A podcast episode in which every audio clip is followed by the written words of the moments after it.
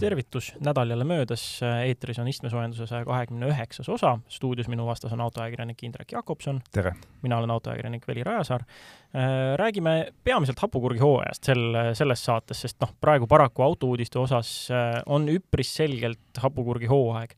ühtlasi üritame teha ka natukene lühema saate, sest eelmine venis maru pikale, ehk siis äh, kuulaja saab kohe selle timecode'i järgi vaadata, kas see meil ka tegelikult õnnestus, mina seda veel ette ei tea, aga püüame teha kiirelt ja operatiivselt. Äh, üks suuremaid uudiseid on meil tegelikult täitsa kodumaalt. ehk siis meil toimus nädalavahetusel Youngtimer Camp kaks tuhat kakskümmend kaks ja see oli siis Laitse rallipargis, seal olime Indrekuga mõlemad kohal Äh, meil on, natuke tuleb juttu kütusest, äh, meil tuleb natuke juttu Elon Muskist, jälle üllatus, äh, natuke kvartali tulemustest, natukene autouudiseid, nii palju, kui need ette jäänud on. proovisõiduautoks on kaks autot ühes, Nissan Aria ja Qashqai e-Power. Ja nädala automõte on seotud elektritõuksidega. aga hakkame sellest Youngtimeri kämbist pihta tegelikult et selle ette toimub, me hõiskasime Indrekuga mitu korda saates ka varem välja, oleme sellest Acceleristas kirjutanud ka. Äh, kuues kord üritus toimus ja noh, eesmärk lihtne siis tutvustada ja näidata ja koguda kokku äh, kahekümne viie ja rohkem aasta vanused põnevad hobiautod äh, või mis iganes autod, millel see vanus on täis tiksunud. ja et siis omanikud saavad näidata, inimesed saavad vaadata, kõik saavad muljetada, et alati on olnud selline, ütleme, täitsa pereüritus äh, ja selle hõnguga, et ikkagi omanikud üldiselt on auto läheduses, alati saab neid küsimusi küsida targemaks ja noh, osana üritusest korraldati igasugused võistlused ka, sealhulgas siis äh, Time Attacki. et ma ei ole nüüd kindel, kas seda on läbivalt kõigil aastatel tehtud, aga igatahes eelmisel aastal tehti. et selline tore laupäev autode seltsis möödus. see oli järjekorras kuues ja mis kõige olulisem on see, et see oli rekordiline, kohale tuli umbes kolmsada viiskümmend autot eelmisel aastal oli alla kahesaja, mis näitab seda, et äh, tegemist on igati populaarse ettevõtmisega ja huvi pisut vanema auto vastu, tema käigus hoidmise vastu ei taha sugugi kaduda ja see on hästi positiivne. aga lihtsalt kuulajatele, kes äh, ei tea, mis on mõiste youngtimer ja oldtimer, kindlasti meie kuulajad enamuses teavad, youngtimeriks loetakse siis autot, vanuses kakskümmend viis kuni kolmkümmend viis ja üle selle on siis oldtimer. aga Youngtimer Campile olid loomulikult lubatud mõlemad, nii oldtimer kui Youngtimer ja paremaid äh, valiti välja lausa mõlemas kategoorias. ja mis nagu Youngtimerit tegelikult oleks, noh, ega tal eesti keeles ju tegelikult sellist head vastet ja, ei ole. kõik järjest on olnud jah, et ei, ei, ei ole seda vastet ja ega noh, ma arvan, siin tuleks natukene brainstorm ida, aju tormata, ka sellele ei ole väga head vastet, et, et leida see sõna, mis see youngtimer olla võiks. siiamaani ka korraldajad kõik ise on kasutanud sõna youngtimer. noor klassik olen ma kuulnud eesti keeles öeldavat ja see on tegelikult täitsa okei okay,, eks? see on tõesti jah, ja ütleb, ütleb mõtte kohe edasi tõsi. ja need, kellel olid ka natukene liiga noored autod, need said siis äh, Time Attackil ikkagi kohal käia ja, ja inimesed ka vaatasid, et Äh, minul see, teadupärast see minu Toyota MR2 Spider on tegelikult kakskümmend üks aastat vana. ja nüüd ma kohe küsin, mis, äh, kuna seal osalesid äh, nii Toyota MR2 kui MR2 Spider, siis mis on neil autodel vahet? Äh, tegelikult seal Spardi protokollis oli täitsa erinevad oli, oli ja ma arvan, et seal on see, et teise MR2 Spideri omanik pani lihtsalt MR2-ne kirja. et muidu siin on see, et üldiselt ähm, on esimene põlvkond äh, A2 siis V11 on lihtsalt MR2, teine põlvkond äh, siis S2 siis V20 on äh, lihtsalt MR2 samamoodi ja siis kolmanda puhul on kas MR2 Spider või üldsegi MRS, sõltuvalt turust ja noh, Prantsusmaal ta oli vist lihtsalt MR, sellepärast et kui sa ütled prantsuse keeles MR2, siis äh, sellest tuleb välja shit. et seda seal ei ole ka niimoodi kasutatud. nii et äh, ei maksa muretseda, igal juhul on tegemist ühe ja sama autoga, üks lihtsalt kirjutas pikemalt välja. just. ja noh, hästi armas oli see, et äh, need äh, Time Attacki võistlusautod, seal oli mitu tükki, mis olid ka, mis millel ei olnud kakskümmend viis aastat täis tiksunud, ja siis äh, mingisugune poiss tuli mingi hetk minu käest küsima, et mis su auto number on. ma olin ka segaduses, mis number, ja siis ma mingi hetk, noh, siis ta lõpuks suutis mulle ära seletada, et noh, et kõigil nendel näituseautodel on ju oma numbrid ja pärast sa saad seda rahva lemmikut hääletada. et lobises mulle oma kavatsuse kohe välja, siis ma sain, ma olin siiralt rõõmus ja ja sain talle öelda, et kahjuks ma jah, sellel näitusel veel ei osale, minu auto poolt veel hääletada ei saa, aga, aga igatahes väga armas kompliment ja kui jutt juba hääletusele läks, siis valiti seal tõepoolest välja publiku lemmik, milleks oli siis Volkswagen T2 Westfalia ja see auto oli ühtlasi ka parim oldtimer. Ja youngtimerite klassis eh, pidas žürii parimaks siis Honda NSX-i ja see tõenäoliselt nüüd sel suvel paljudele silma jäänud numbrimärgiga null null üks NSX, ilus, ilus punane esimese põlvkonna Honda NSX väga tõesti, no pilku püüdev auto igakülgselt, et äh, kui ma teda esimest korda siin Eestimaa pinnal nägin, ma mõtlesin, no see on ük, tõenäoliselt üks märkimisväärsemaid masinaid, mis tegelikult siia meie Eesti pinnale sattunud on üldsegi. aga kui seda autode pilti vaadata ja võrrelda nüüd sellega, mis oli eelmisel ehk kahekümne esimesel aastal, siis minu jaoks oli kõige suurem märksõna ühtlus, et hästi palju väga erinevaid ja samas enam-vähem niisugused, kõik olid korralikud, kõik olid omamoodi huvitavad eelmisel aastal oli mõni tõesti, mille kohta nagu võis küsida, et noh, et kuidas ta omal jalal siia jõudis. E, sel aastal seda muret ei olnud, kuigi juhtus ka selliseid kentsakaid lugusid, et läksin äh, ühe autoomaniku juurde ja küsisin, et kas sinu auto kapoti all on tõesti null koma üheksa liitrine mootor. mees võttis telefoni lahti, pöördus Transpordiameti andmebaasi juurde ja parandas ära, oli ühe koma kahene et noh, sellist äh, suhtumist leidus ka ilmselt, et inimesed polnud väga kursiski, millega nad sinna tulid, aga see on ju tegelikult, ei ole üldse hull, sest peamine on hea tahe sinna kohale tulla. ja selliseid perevõistluseid oli seal ka mitmeid, kusjuures seal oli äh, hoorata loopimine, seal oli äh, siis seal oli mutrite poldi otsa aja peale ketramine, äh, õlivarade pikkuse võistlus oli. peaasjalikult kõik, kellel oli kõige pikem, see oli Just. esimene väga oluline võistlus. sul oli veli peaaegu juba, sa olid finaali lähedal, jah? Äh, seal oli kusjuures see, et äh, ma tean küll, et et noh, me olime sõbraga mõlemad MR2 Spideritega ja ma tean küll, et tavaautoga võrreldes, noh, tavapäraste autodega võrreldes tal on natuke pikem õlivarras tõesti, sest et noh, tagakeskmootor. Ja see peab siis sealt äh, torpeedopleki vahelt äh, kuni ähm, siis mootori etteotsa nagu ulatuma ja selle võrra on pikem. Ja mõtlesin, noh, et läheks siis. Ja siis ma kuulsin, mis seal kõik kõlaritest kostis, et äh, nii, ja meil on üks auto, millel on kuuskümmend kaheksa sentimeetrit ja oi, mis sealt tuleb ja siis oli mingisugune meeter kaheksakümmend kusagilt veokist, siis mõtlesin, no kuramus, see MR2 oma on heal juhul no mingi seitsekümmend senti midagi. et ei ole vist mõtet kohale minnagi, aga kui viimane minut tiksus siis öeldi, siis ütles äh, päevajuht välja, et nii, et autode arvestuses meil on see kuuekümne midagi sentimeetrine ja veokat, veokate arvestuses on siis see meeter kaheksa, siis ma mõtlesin, oi paganas, siis me jooksime sõbraga kohale, lõime mõlemad äh, vardad letti ja mingil põhjusel siis kas oli äh, mõõteviga või mis iganes, aga tal mõõdeti veel pool senti pikemaks. nii et siis ta sai kasti jäätist ja jagas seda rõõmsalt, vist ka sulle, kui ma õigesti mäletan. nii oli, väga maitsev oli. et see, sellised toredad võistlused seal olid, pluss siis Taimetaks samamoodi, et äh, seal oli ka vist peaaegu kakskümmend autot, et äh, ka täiesti hästi, hästi tore rada, jälle tehtud asfaltosa peale ainult.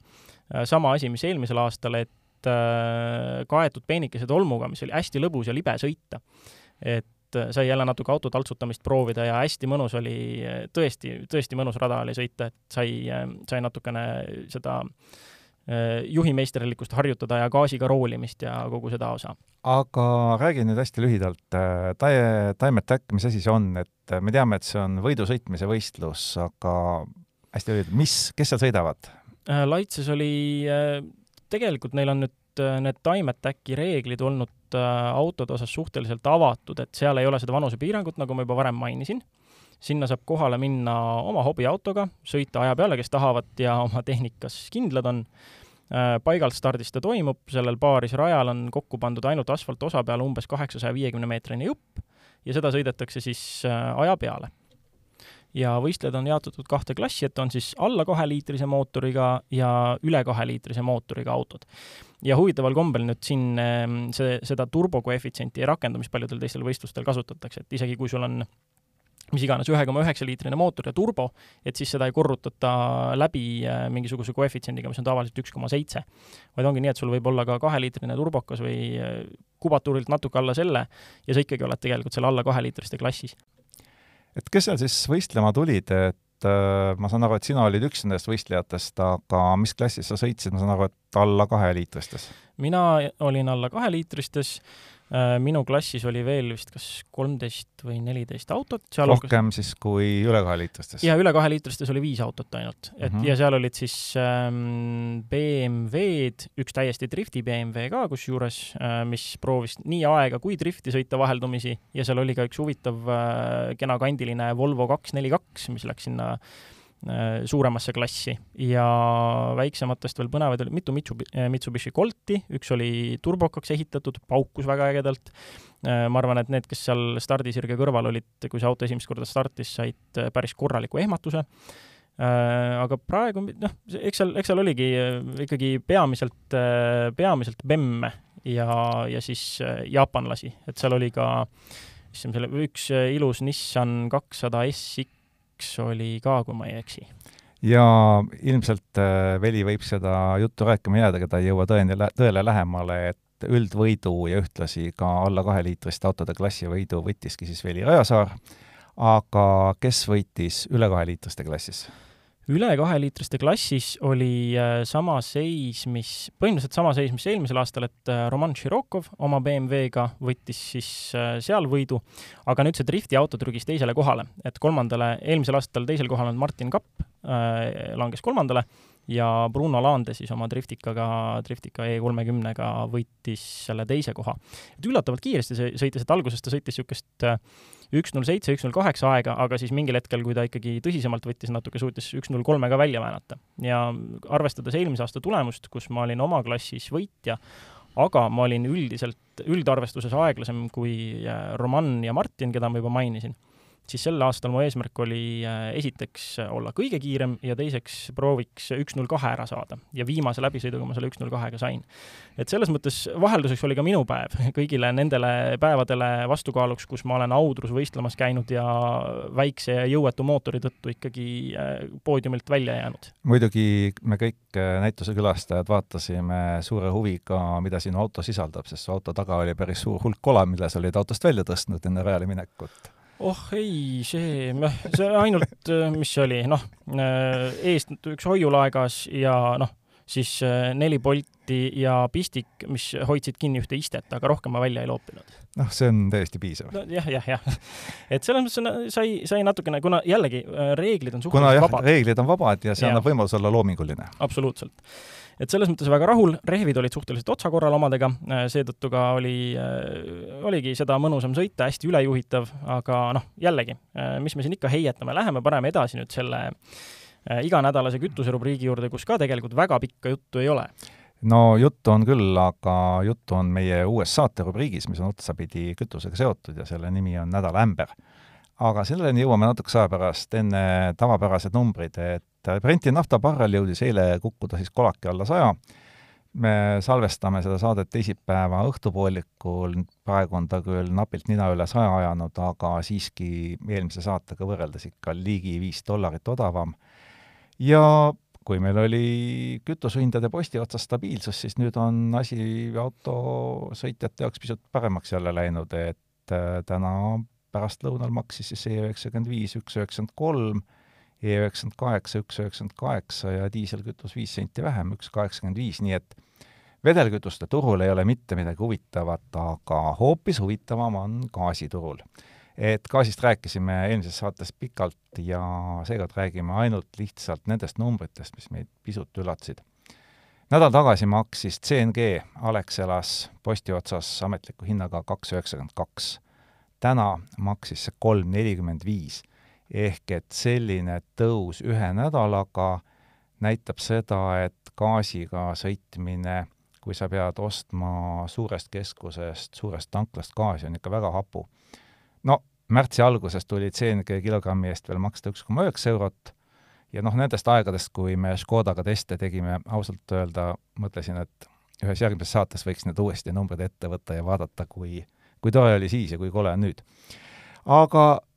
rõõmu-uudis on see, et ega siis igal pool ei ole nii kole, et on olemas selline tanklakett nagu Tor tanklad.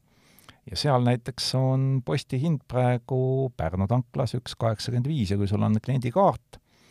eh, mille hankimine on väga lihtne ja kerge, siis saad sa lausa üks seitsekümmend üheksa ja Koksvere tanklas võid kliendikaardiga saada lausa üks kuuskümmend kuus ja postihinnaga üks seitsekümmend kaks mis on täpselt kaks korda vähem, kui Alexela küsib sinu käest näiteks Tallinna kesklinnas. ei midagi Alexela vastu, lihtsalt kui sul on oluline hind, siis sa pead mõtlema, kuskohast sa tankid. no jälle kord saame soovitada siis äh, kütuseturismi Pärnu poole. jaa, aga muidugi, kes ei saa Pärnu poole kütuseturismi teha, on Tallinna linnatranspordi autobussid, et Tallinnas teatavasti vurab ringi pisut üle viiesaja linnaliini bussi ja nad on oma hangetega, kaks tuhat kaheksateist, üheksateist tegid kaks väga suurt hanget, ja nende eesmärk, kui nad viimased bussid kätte saavad et, et seitsekümmend protsenti bussidest sõidabki kodumaisel biometaanil ja kahekümne viiendaks aastaks, sinna ei ole ju palju jäänud, kaks aastat, peab olema kogu linnatransport diiselkütuse vaba. noh äh,, väike lohutus on see, et maagaasi hind on viimastel päevadel stabiliseerunud ja noh, ma võin isegi ennustada, et eks ta natukene võib ka alla tulla, aga see allatulek on marginaalne. ja, ja noh, ainus kommentaar selle kohta on vaene Tallinna linna eelarve. Noh, see on üks selline, ütleme, ämber, aga no kes oleks võinud ette näha, aga sinu mainitud nädalaämber puudutab hoopis ühte teist kütuseketti ja selleks on Olerex ja kes on aktiivsemalt äh, netis äh, ringi konnanud, need on tõenäoliselt lugenud, märganud äh, või võib-olla ka linnas sõites ise näinud isegi, et Olerexil on olnud vahepeal üleval suured lipud, et mis see nüüd ongi siis ID-kaardiga kütuseliitrilt miinus kaheksa koma kolm senti ja noh, nagu mida inimene päris, arvab, kuidas yeah. seda loeb siis? noh, mina ka mõtlen, et ma no. võtan selle hinna, mis ma näen, ahah, mis iganes, üheksakümmend kaheksa maksab üks, üheksakümmend üheksa, võtame selle kaheksa koma kolm senti sealt maha kenasti, et näitan ID-kaardi letis ette ja saan selle võrra alla, on ju. aga tutkit tuleb välja, et nii see päris ikkagi ei ole et kui sa oled püsiklient, siis sa võid saada äärmisel juhul oma püsikliendi soodustuse kaks koma kuus senti või no kuidas kellelgi, eks ole. aga noh, kui selle kohta inimesed, väga pahased inimesed pöördusid siis otse firma poole, siis äh, firma tegevjuht Piret Miller seletas täiesti avalikult ja ametlikult, et lippudel on tekstimaht piiratud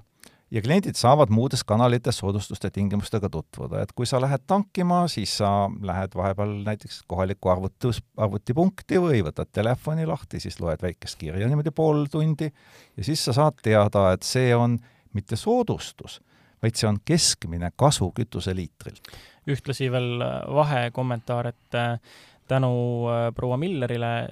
saime, näiteks mina sain esmakordselt teada, et lipu peale on pikem kirjutada miinus kaks koma kuus kui miinus kaheksa koma kolm jaa, ega sellepärast peabki äh, arvestama muidugi selles, et kuna kaks koma kuus on parim kütusesoodustus, siis see ilmselt mõjutab ka lipu peale kirjutatava kirja pikkust, nii et seda tuleb siin hoolega mõelda no,. see on tervelt üks koma kolm protsenti ja iga päevaga targemaks. ja noh, inimene saab sellest aru, et äh, bensiinimüüja elu on raske ja, ja noh, meie kommentaar on sellise jama kohta hästi lühike, et kuigi Olerex on tänase, eilse päeva jooksul vaikselt need Äh, plaguvad plakatid või lipud maha korjanud. kusjuures ma sõitsin Lasnamäel täna, ma veel nägin, et seal, seal on täitsa üleval, seal on täitsa üleval. seda hullem. siis äh, meie kommentaar on hästi lihtne, hääletame jalgadega. ja kuni Olerex ei ole klientide ees vabandanud ja öelnud, et see kampaania oli tõeline ämber ja nad rohkem sellist jama ei tee, siis enne ei osta Olerexist mitte üks tilk ja mitte üks purks ja kutsume kõiki üles samamoodi käituma, et see on äh,, muidu ilmselt äh, klientidesse normaalset suhtumist ei tule. ja veel kiire täpsustuse lisan, sest äh, me siin juba libisesime selle sujuvalt üle, mida selle miinus kaheksa koma kolme all siis mõeldud oli, oli see, et lisaks sellele soodustusele, mis sa saad, siis see midagi arvutab su mingisugusele kontole veel juurde ja siis justkui see on see kogusääst, et see on siis see, mille nad üritasid sinna lipule toppida. aga noh, jällegi, see on ikkagi äh, selge petmine ja noh, ei ole mina, ma olen Olerexi sattunud viimasel ajal ka tankima ainult hädasunnil ja nüüd isegi kui häda sunnib, siis tõenäoliselt äh, nii mõndagi aega sinna ei, ei ole asja. sest ei ole ühtegi sellist motivaatorit, et äh, räägime kartellist või räägime mitte kartellist, aga miks peaks, kui selliseid skeeme rakendatakse? aga järgmiseks äh, vaatame, mida on skeemitaja Elon Musk vahepeal korda saatnud, kui, äh, kuid praegu on suhteliselt nagu vaikne isegi tema rindelt olnud. väga vaikne ega Elon ei olegi ise midagi väga korda saatnud, et tundub, et tal on jälle selline väike Twitteri paus või ma ei tea, kas ta valmistub kohtulahinguks, noh, väga võitu veel, või on tal suvepuhkus, et äh, polegi temast midagi rääkida, aga noh, et teema päris maha ei kukuks, siis äh, Business Insider mõtles meie peale ja tegi intervjuu tema isaga. no sellega, kellest me eelmises saates rääkisime, kes oma nelikümmend pluss aastat noorema kasutütrega lapse sai ja, ja mis sealt loost välja tuli, noh, erilisi uudiseid polnud, see, et Elon oma isaga läbi ei saa ja et isa arvates Elon on nagu aia taha läinud, seda me teame ammu, aga seal oli vahvalt juttu ka Eloni vennast ja selle kohta ütles tema isa intervjuu ajal, et tema teine poeg, Kimbal on tema nimi, Kimbal Musk on tema elu uhkus ja rõõm. et see on tore kuulda, et isal on kahest pojast vähemalt ühe üle hea meel ja taustast nii palju, et Kimbal on restoranipidaja, ta on tippkokk ja tal on neid varasid äh,, loetakse kokku umbes seitsesaja miljoni dollari kanti, et äh, no kõige kehvemini just ei lähe? kõige kehvemini ei lähe, kuigi isa väitis, et ta on miljardär, no Business Insider arvab, et sealt on kolmsada miljonit veel puudu, aga noh, kauaks see ikka aega võtab, kui juba nii hästi läheb. Järgmiseks aga kvartali tulemustest. Ja seekord on avalikustanud need Renault Renault avaldas oma kvartali tulemused, mis arusaadavalt ei olnud mitte midagi head, aga analüütikud leidsid, et tegelikult tuli nad paremini välja kui arvatud, sest noh, kõik teadsid, et sealt mitte midagi head tulemas ei ole, see oli, pilt oli tõeliselt kole, sest äh, oleme ju siin saates mitu korda rääkinud, et Renault olid Venemaal kaks suurt tehast, Moskvas ja Toljatis ja mõlemast pidi ta lahti ütlema, ühest tasuta ja teisest ühe dollari eest, millest kumbki nagu eriti kaugele ei jäänud. ja mis, mis sellest siis üldse nendest tulemustest head oli, on see, et ega see kohutav miinus, mis sealt tuli, üle miljardi, et ega see nüüd nii õudne ei olnud, aga mis oli positiivne kõigi analüütikute meelest, on see, et kasumlikkus tõusis. et esimese poolaastaga Renault kasumimarginaal on neli koma seitse protsenti, protsenti, varem oli see neil kolm ja nüüd nad ütlevad, et aasta lõpuks tahavad saada viis, mis ei ole tegelikult grupis, vabandust, mitte grupis, vaid äh, sektoris kuigi kõrge, Renault oli see üks äh, madalamaid, aga nüüd on uus tippjuht öelnud, et hinnaalandusi hakkate te Renault juures nägema kõige vähem võrreldes konkurentidega, aga teda see ei huvita, sellepärast et äh, firma peab suutma vee peal püsida kõik need jamad ära klattida ja kui Elon suudab kõik miinuse klientide kaela ajada, siis miks mitte Renault ka. baashinnad iseenesest, kui vaadata ringi, siis ei olegi ju nii koledad. nüüd aga võtame üles ühe teema, millest äh, pole pikalt kusjuures juttu olnud, see on kuidagi, tundub, et ka mujal meedias vaibunud ja, ja seega pole sellest väga rääkinud ka meie, aga vana hea kiibikriis, et äh, oli siin ju pikalt väga-väga äh, suur mure kõikide tarnetega ja kiibikriisi uudiseid tuli igapäevaselt söögi alla, söögi peale. Äh, nüüd need on natukene vaibunud ja noh, eks igaüks on teinud siin oma korrektuurid tootmistes ja oma tarneahelates, et äh, kes üritab kiibi tootmist tuua oma tehastesse, kes seal kuidagi paremaid diile tarnijatega saada. et nüüd on ka USA president Joe Biden omalt poolt siis hakanud toimetama. jah, et et äh, ega me muidu hapuküügi ajal ei oleks seda teemat üles võtnud, kui Biden poleks oma isiklikku kätt sinna alla pannud ja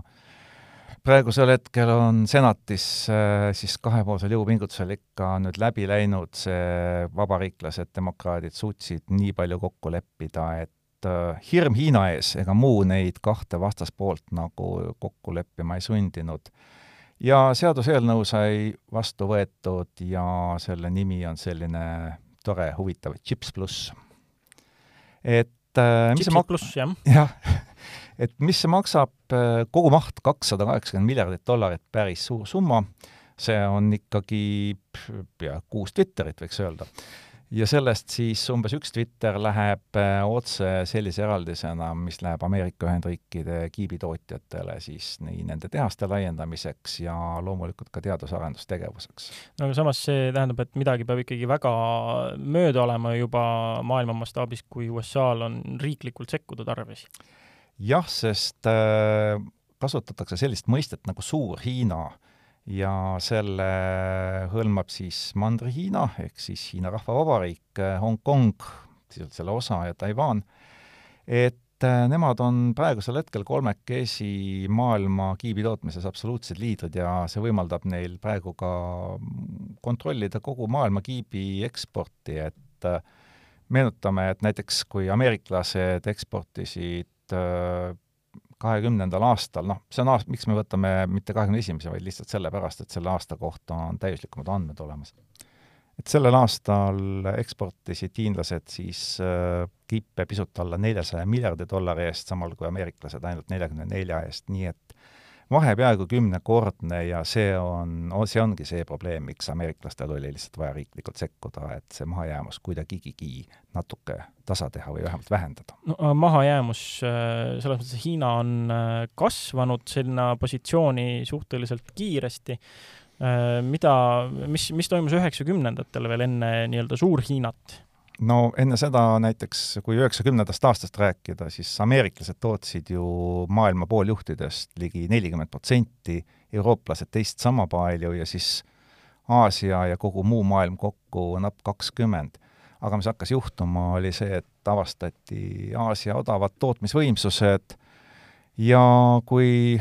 läks kümme aastat mööda, siis selleks ajaks oli seda nelikümmend protsenti tootsid juba ameeriklased ja eurooplased koos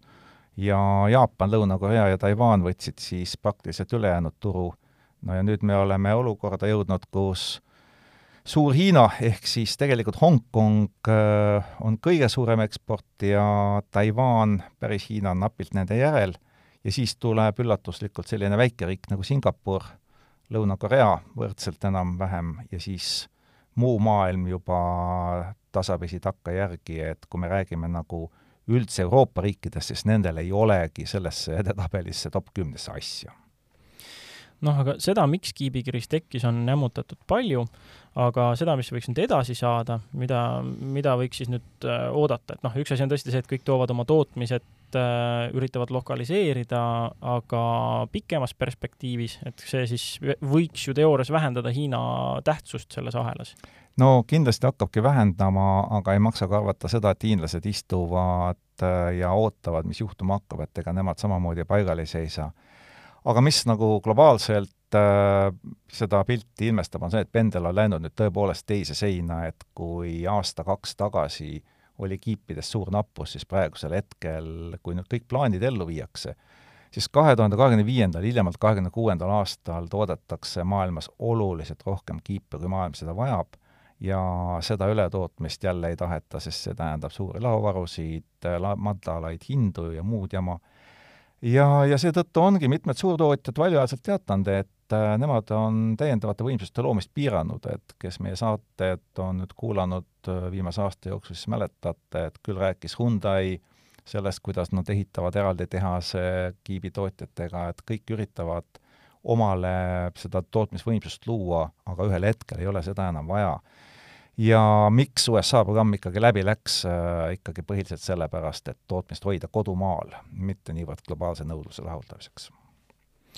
aga järgmiseks teemaks nüüd äh, võtame suhteliselt tagasiulatuvalt ühe teema, mis, mida me oleme mitu saadet edasi lükanud, oleme tahtnud rääkida nädala kadunukesest ja öelda, et selleks on Nissan Leaf, aga selleni me pole jõudnud, aga no mida kauem me seda edasi lükkasime, seda parem, sest tegelikult ega Nissan Leaf nagu täieõiguslikult sinna nädala kadunukeseks ei saagi, kuigi internetis on sellekohaseid kõlakaid ja kuulujutte päris palju liikumas. kontrollisime andmeid äh,, Nissan Leaf äh, sellisel kujul, nagu me teda praegu teame, ei kao, jääb alles käesoleval aastal, jääb alles veel järgmisel aastal äh,, ja võib-olla saame temast äh, kui kadunukesest tootmise lõpetamise võtmes rääkida alles kahekümne neljandal aastal. mida see praktikas tähendab meie kui autoostjate jaoks? minge Nissani esindusse ja teil on võimalik äh, teha tehase tellimus Leafile nii suurema kuuskümmend äh, kilovatt-tundi akuga kui väiksema neljakümnesega ainult et suurema akuga versiooni peate ootama aasta. no väiksem tuleb natuke kiiremini kohale. nii et see tähendab, et toodetakse, on olemas, aga tarneajad on meeletult pikad. aga Nissaniga ka jätkame, sellepärast et nädala proovisõidu autod olid Nissan Aria ja Nissan Qashqai e-Power ja nendega ma sain nüüd juba suhteliselt pikka aega tagasi tegelikult Rootsis sõita mõlemaga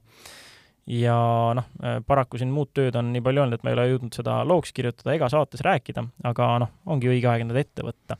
et kõigepealt taustast, Nissan Aria on siis Nissani uus äh, täiselektriline linnamaastur ja Qashqai e-Power ja noh, e-Power üleüldiselt on Nissani selline suhteliselt originaalne lähenemine äh, elektrile, elektrifitseerimisele ja hübriidistamisele, sest et äh,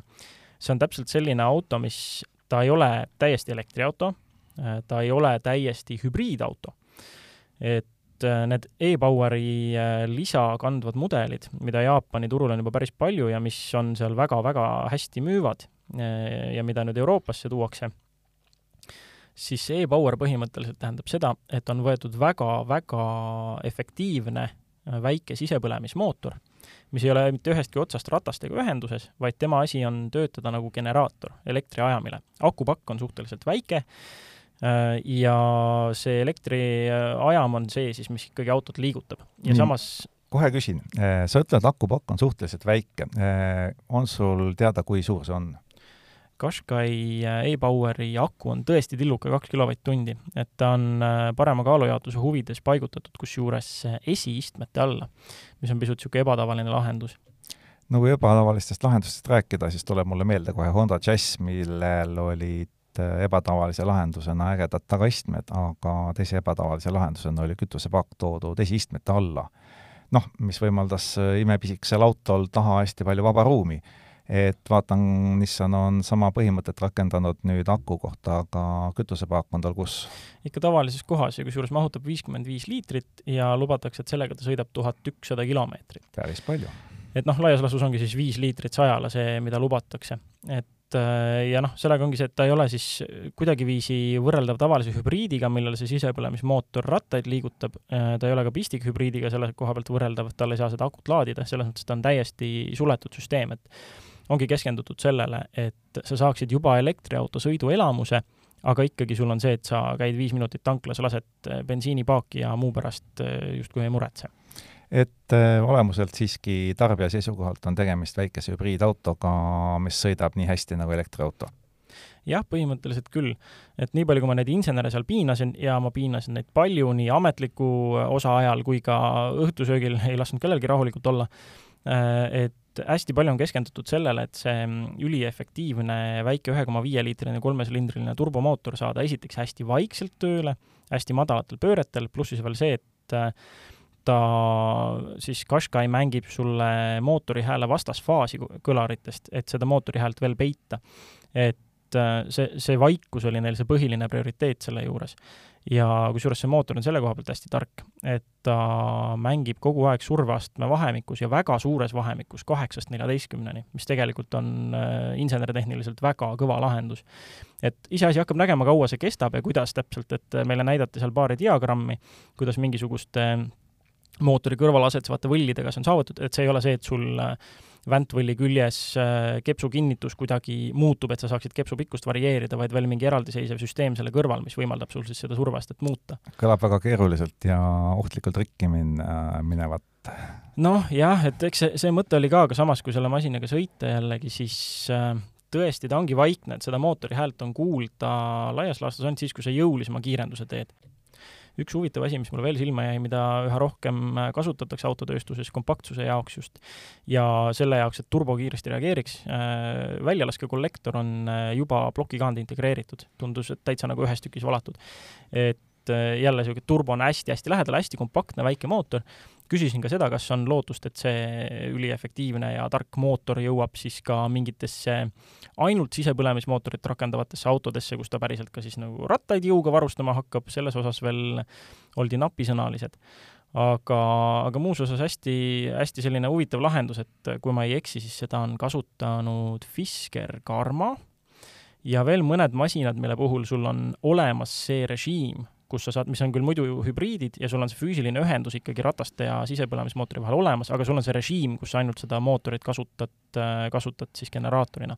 aga minu arust ainult, ainult Fisker Karmal vist oli täpselt selline lahendus. jah, aga kui nüüd äh, kõige tähtsama numbri juurde jõuda, et äh, mis see lõbu maksab? Praeguse seisuga paistab, et kusagil e-Poweri hinnad hakkavad Eestis kusagil kolmekümne ühe tuhande juurest ja, päris suur tegelikult. see on ju täitsa sisepõlemismootoriga auto hinna kasv. ja jookseb neljakümne tuhandeni välja. et äh, seal on siis jälle erinevad varustustasemed, nagu ikka, ja noh, Nissan äh, vähemasti esmapilgul tundub, ei ole nagu väga kirjuks seda, seda asja ajanud. et äh, kasutaja mugavuse seisukohalt sul kuskil ei olnud võrreldes tavalise Qashqai'ga ruumipuudust, et äh, kusagil oleksid mitte, akud või muud seadmed mingisugust ruumi ära võtnud? ei, need äh, Qashqai ruumikuse eelised ja need nutikad lahendused on jätkuvalt olemas, et äh, ruumipuudust ei olnud, kus äh, need tagauksed jälle kord jäid mulle silma, mis käivad peaaegu üheksakümne kraadise nurga alla, et hästi mugav on a la turvatooli ja last sinna laadida või muid asju. Ähm, mis veel oli, jah, vaikus jäi natuke silma ja samas jätkuvalt äh, väikse negatiivse asjana see silm, jäi silma sama asi, mis äh, tava-Qashqai puhul, mida ma ka toona tava-Qashqaiga sõites jälle insenerilt uurisin äh, vedrustuse kohta, nüüd ma uurisin siis e-Poweri vedrustuse kohta, et kuigi seal on kõik üle käidud ja olenevalt varustustasemest pakutakse kahte erinevat tagavedrustust, siis just tagant ikkagi on tunda, et mõlema vedrustuse puhul et see tagasilöögi kiirus ikkagi on äh, natuke liiga jõuline, et just näiteks noh, praegu mul täiesti juhuslikult ühe telesaatega seoses on just mõned tunnid tagasi võtsin uuesti Qashqai e-Poweri Eesti esindusest salaja ja sellega tulin üle mingi täiesti tavalise, issand, mis see ristmik meil on, kosmose, kosmoseristmik põhimõtteliselt. tulin äh, liivalaia peale ja üle nende rööbaste siis, mis seal on, mis on isegi mu ülijäiga MR2-ga täiesti okei ületada, kui seal väike põige teha, tegin sama põike, ratata, jõuliselt äh, väristas äh, tagaotsa ja suhteliselt tugevalt lõi. et see on sõidumugavuse osas minu ainukene etteheide, et tagumine vedrustus äh, sellistel jõulisematel, kiirematel raputajatel annab väga, väga tunda. häälekas. Äh, isegi mitte häälekas, vaid ütleme, see on lihtsalt Jäik. keha väristav, jäik, keha väristavalt jäik, aga kindlates tingimustes, see on seotud tagasilöögi kiirusega ja just sellised väga, väga teravad ja kiired tagasilöögid on need, mida ta hästi ei summuta, aga selliste aeglasemate ja õõtsumiste ja kõigi asjadega saab väga hästi hakkama, et sa nagu tavasõidul ei pane seda tähelegi. et vedrustus laias laastus väga hästi, väga hästi seadistatud, välja arvatud kiire tagasilöögi situatsioonides nii et kokkuvõttes võiks öelda, et äh, Nissan Qashqai kõigi crossoverite vanaema head küljed on säilinud, see, et ta tavamootoriga on hea, seda me leidsime juba eelmisel aastal ja tuleb siis välja, et e-Power annab talle vaikust, natuke müra, noh, kuidas öelda, takistuste ületamisel, aga muidu kütusesäästu ja igati mugavat jah, kulgemist. täiesti, täiesti okei asi, et jällegi, kui äh, see on, see on täpselt see üleminekuauto, mulle tundub, sellele inimesele, kes ei taha kohe veel täiselektrilist, ta tahab vaikselt nagu niisugust harjumisaega. et see on selles mõttes selline harjumisaja auto täpselt, et mis ongi, tal on, tal on nagu mõlema, mõlema autoklassi eelised selle koha pealt. et nii-öelda kiire laadimine ja samas ikkagi see elektriline sõiduelamus ja juba ikkagi noh, sisepõlemismootoriga autoga võrreldes palju parem vaikuse tase. et, et selle koha pealt midagi tõesti rohkem negatiivselt väga häirima ei jäänud. et ongi Qashqai puhul, nagu ikka, on see armasta või vihka välimus, et minu arvates teda on ikka väga, väga palju kenamaks tehtud siin no ega ta nüüd nii hull enam ei ole, et võiks öelda täiesti... no esimene oli niisugune jah, et nagu polariseeriv rohkem, et praegu ta on see oli harjumatu ilmselt lihtsalt, et nüüd on, leitakse, et täitsa normaalne auto. Ja hästi lühidalt ma räägin ka Aariast, aga sellega oli vähem sõitmist, mis mulle Aariast kõige rohkem meelde jäi, noh, esiteks ma ütlen ära, akupakke kahes suuruses, kuuskümmend viis kilovatt-tundi, üheksakümmend kilovatt-tundi ja siis, mis veel silma jäi, jälle tuleb kiita moodsaid keresid ja nende jäikust. et ootamatul kombel, ükskõik, et ta on linnamaastur, ükskõik, et ta on kõrge, temaga oli Rootsi käänulistel teedel täiesti nauditav sõita ja ma ei oodanud seda üldse et sarnane elamus, nagu mul oli Qashqai'ga Soome käänulistel teedel, et ma ei oodanud seda, et kui ma niimoodi maanteelt maha käänulistele keeran, siis seda masinat saab nautida ja ta nii reipalt kurvi sisse keerab, täiesti okeid tagasisidet annab, suudab hoida kõik rattad ilusti maas ilma suurema õõtsumiseta, et täiesti asjaliku juhitavusega masin, et jah, see muus osas sõidudünaamika, nagu ikka elektrikalt oodata, aga noh, pikemalt saab temast rääkida ikkagi siis, kui ta meil Eestis ka pikemas testis on. ja see pikem test Eestis vähemasti praeguste lubaduste kohaselt saab meil toimuma kindlasti veel käesoleva aasta sees püüame teda ajastada kuhugi novembrisse, siis saame näha, kuidas elektrilised autod Eestimaa selles kõige tüüpilisemas äh, kehvas suusailmas hakkama saavad, kui pikk on aku, kui hästi tuled valgustavad, ehk kõik need küsimused, millega põrkume kokku siis, kui selline kena juulikuine või augusti ilm läbi saab aga nüüd Rootsist oli natukene juttu selles kontekstis, Nissani kontekstis, aga räägime Rootsist nüüd ka nädala automõtte kontekstis, sest et äh, Rootsis keelustati kõnniteedel elektritõuksid ja mulle esmapilgul tundub see küll väga-väga hea ettevõtmisena. No Rootsist äh, oleks võinud seda oodata võib-olla ainult selles võtmes, et äh, elektritõuksid keelustatakse ära maanteel või siis üldse niimoodi äh, mingisugustes tingimustes, kus need ohustavad inimesi, no kõnnitee on see esimene koht, aga samas arvestades seda, et äh, ainuüksi Stockholmis on praegusel hetkel kaksteist tuhat äh, renditõuksi, siis noh, see number on tõesti suur, meie Bolti numbrid, meil ei ole küll hetkel käepärast, aga kui neid vaadata, siis noh, neid on palju, aga ilmselt mitte nii palju aga elektritõuksidest oleme ju siin-seal ikka rääkinud ja kirjutanud, oleme näinud, et politsei on nendega hädas ja elektritõuks on Eesti seadusandluse kohaselt täiesti omaette aut-, auto, vabandust, liiklusvahend. Ja rootslased tegid tegelikult väga mõistliku asja ära, et äh, elektritõukeratas ei ole mingi eriline kergliikur, vaid ta on samasugune jalgratas nagu kondiauruga töötav jalgratas või elektrijalgratas. ta liigub ju tegelikult praktikas äh, liikluses enam-vähem sama kiiresti, samades tingimustes, nii et tegelikult on selles suhtes hästi mõistlik äh, suruda need elektritõuksid äh, ühte, see lihtsustab arusaamist liikluseeskirjadest. jah, et kes on mis sorti liikleja. jah, et kas ta sõidab elektriga, kas ta sõidab nüüd äh, kondiauruga, et mis seal vahet on, jalgrattur on jalgrattur ja sa näed teda, kui ta tuleb ja kas ta seisab seal püsti või istub, et noh, see ei ole kaasliiklejate seisukohalt oluline. jah, et no seal on see asi jah, et äh, kõnniteedel sõites nad ikkagi ohustavad jõuliselt jalakäijaid, äh, noh muidugi sellele aitavad kaasa paljud tõuksijad, kelle kõrvade vahel ulub ja puhub tuul sinna pole midagi teha, inimesed, noh, inimesi leiad, leiad ka neid halbu õunu tahes-tahtmata, mis iganes liiklejate gruppidest. ja nüüd ongi siis see, et kui nad auto teele panna, siis noh, siis ongi see, et siis on oht suurem lihtsalt elektritõuksijale endale, samamoodi nagu jalgratturitel, mootorratturitel, et noh, esmapilgul mina sellega näiteks muret ei näe, et kui mina olen autoroolis ja nüüd ma pean arvestama ka elektritõuksjatega, et noh, jah, täpselt samamoodi ta on jälle üks ähm, liikuv asjandus liikluses, millele ei tohi otsa sõita. jah, et äh, kunagi, kui sai autoga sõitmist õpitud, siis äh, anti selline mitteametlik õpetus eluks ajaks kaasa, et jalgrattur äh,, mopeedijuht, ja autobuss on need, mis teevad täiesti ootamatuid liigutusi ilma ette hoiatamata ja nendele lähenedes pead olema alati valmis igasugusteks asjadeks. põhimõtteliselt on see äärmiselt õige hoiatus, aga kui nüüd kujutada ette, et me hakkame kohtama neid elektritõuksijaid mitte kümnete ega sadade, vaid tuhandete viisi autode vahel, siis äh, noh, ootame põnevusega, kuidas rootslastel läheb, sest ma kardan, sealt hakkab neid õnnetusi tulema rohkem kui küll, sest praegusel hetkel sõidavad jalgrattaga ikkagi need, kes tõesti igapäevaselt liiguvad, tunnevad liikluseeskirju ja oskavad ka ratast valitseda. elektritõukside puhul me oleme näinud, et see tihtipeale paika ei pea jah, see on see koht, kus äh, ma, ma ütleks selle kohta suhteliselt äh, külma kõhuga, et see on loodusliku valiku peale surumine nii-öelda.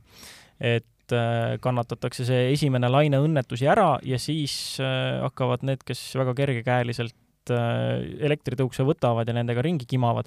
võib-olla rohkem mõtlema sellele, et hmm, äkki selleks, et sellega sõita, ma peaksin ka teadma, mis, mis asi on liiklus ja kuidas see toimib